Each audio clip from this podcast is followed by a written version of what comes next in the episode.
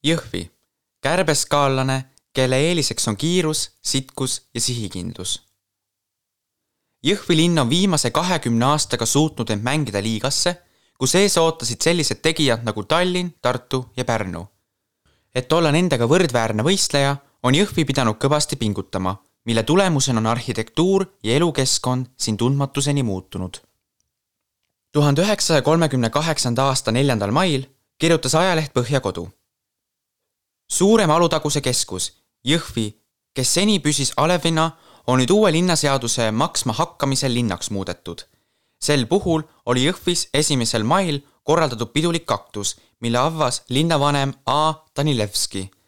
selgitava ülevaate linna omavalitsuse tööst andis linnasekretär G Raudheiding.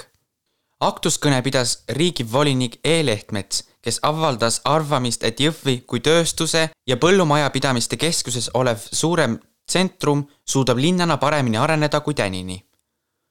Alutaguse ja tegelikult kogu Virumaa keskuseks on Jõhvi tänaseni. oma mõõtmetes suurem.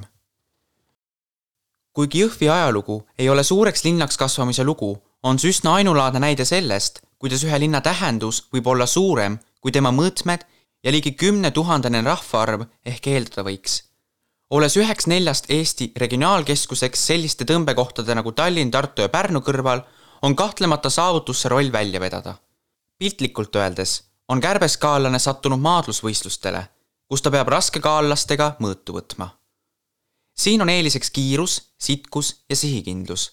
kõike seda ongi Jõhvi aastate jooksul demonstreerinud paljuski on Jõhvile arengueelised andnud tema geograafiline asupaik. Jõhvi on Peterburi, Tallinna ja Tartu poole suunduvate teede ristumispaik.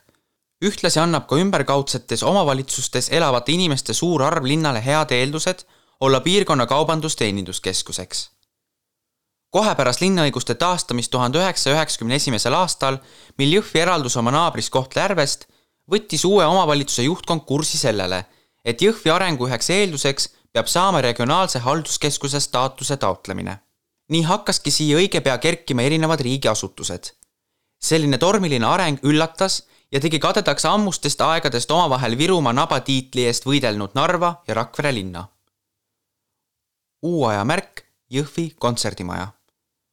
ühel hetkel said Jõhvi linnajuhid aga aru, et keskuseks olemisest ei piisa, kui linnas pole kohta, kus inimestele pakkuda kvaliteetset kultuuri ja meelelahutust ning Eesti Kontserdiga löödi varsti käed tänapäevase kontserdimaja ehitamiseks, saades selleks ka riigilt toetust. Jõhvi kontserdimaja, millest sai linna omamoodi uus maamärk, selles kohas asus kunagi sõja ajal hävitatud Jõhvi mõis, nõukaajal kultuuripalee Oktoober, avati kahe tuhande viienda aasta kaheksandal oktoobril. toonane Eesti kontserdijuht Aivar Mäe ütles vahetult enne maja valmimist selles pole mingit kahtlust. aga kõik mu meeled ütlevad, et sellest saab Eesti kõige parema akustikaga kontserdipaik. siin on katedraali kõla, aga kuna saal on vooderdatud väärispuiduga, siis on järelkaja ka hing sees. tõepoolest, aastatega on Jõhvi kontserdimajas saanud paik, kuhu tulevad heal tasemel kultuuri nautima inimesed nii Narvast, Rakverest kui kaugemaltki.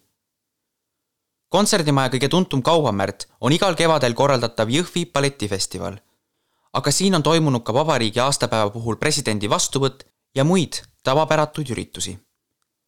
samal aastal kontserdimaja avamisega oli Jõhvi Eestis üks esimesi omavalitsusi, kes viis vabatahtlikult läbi haldusreformi, mille käigus linn ühines Jõhvi vallaga.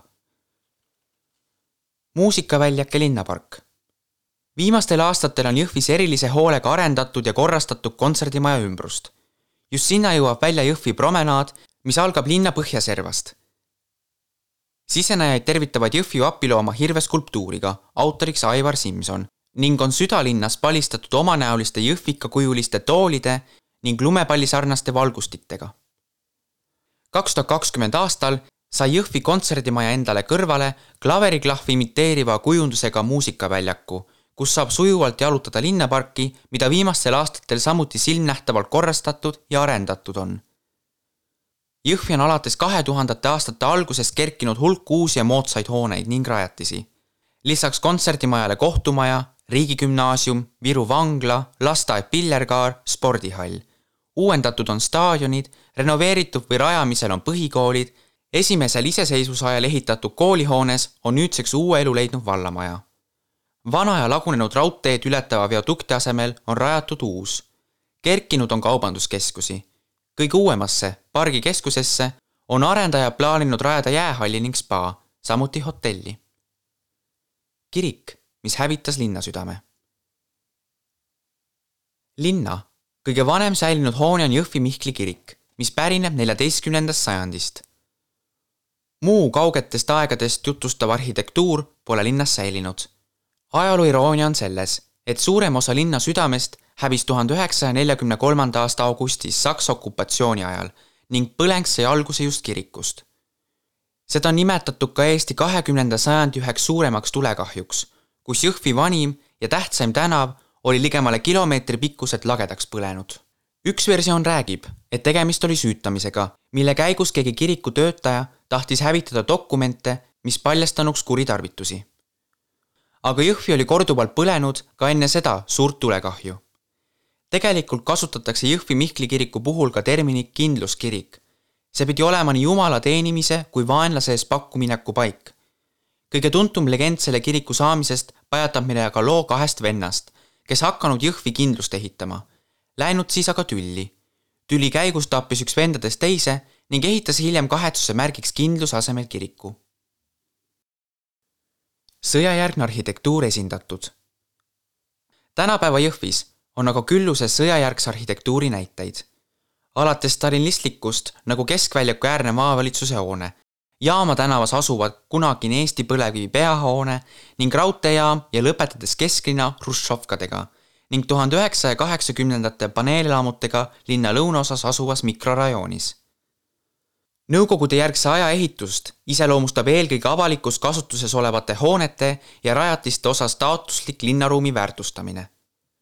Kui mõned kaubanduskeskused välja arvata, siis on kõigis neis uushoonetes tunda arhitekti hoolikat kätt. kuidagi on nii juhtunud, et enamuse nende objektide loojateks, olgu tegu kontserdimaja, kohtumaja, promenaadi, pargikeskuse või lasteaiaga, on olnud arhitektid Ra Luhse ja Tanel Tuhal. Ra Luhse on öelnud et need tööd on sattunud neil üsna juhuslikult ja kuigi Jõhvil pole ajaloolist linnasüdant ja linna poolitab raudtee, on tegemist äärmiselt põneva kohaga. Kokku on Jõhvist tulnud väga huvitav linn ja tundub, et ta on kõvasti edenemas, sest lihtsalt tema asukoht on niivõrd hea, on arhitekt ühes oma intervjuus öelnud. Eerik Kalda, ajalehe Põhjarannik, ajakirjanik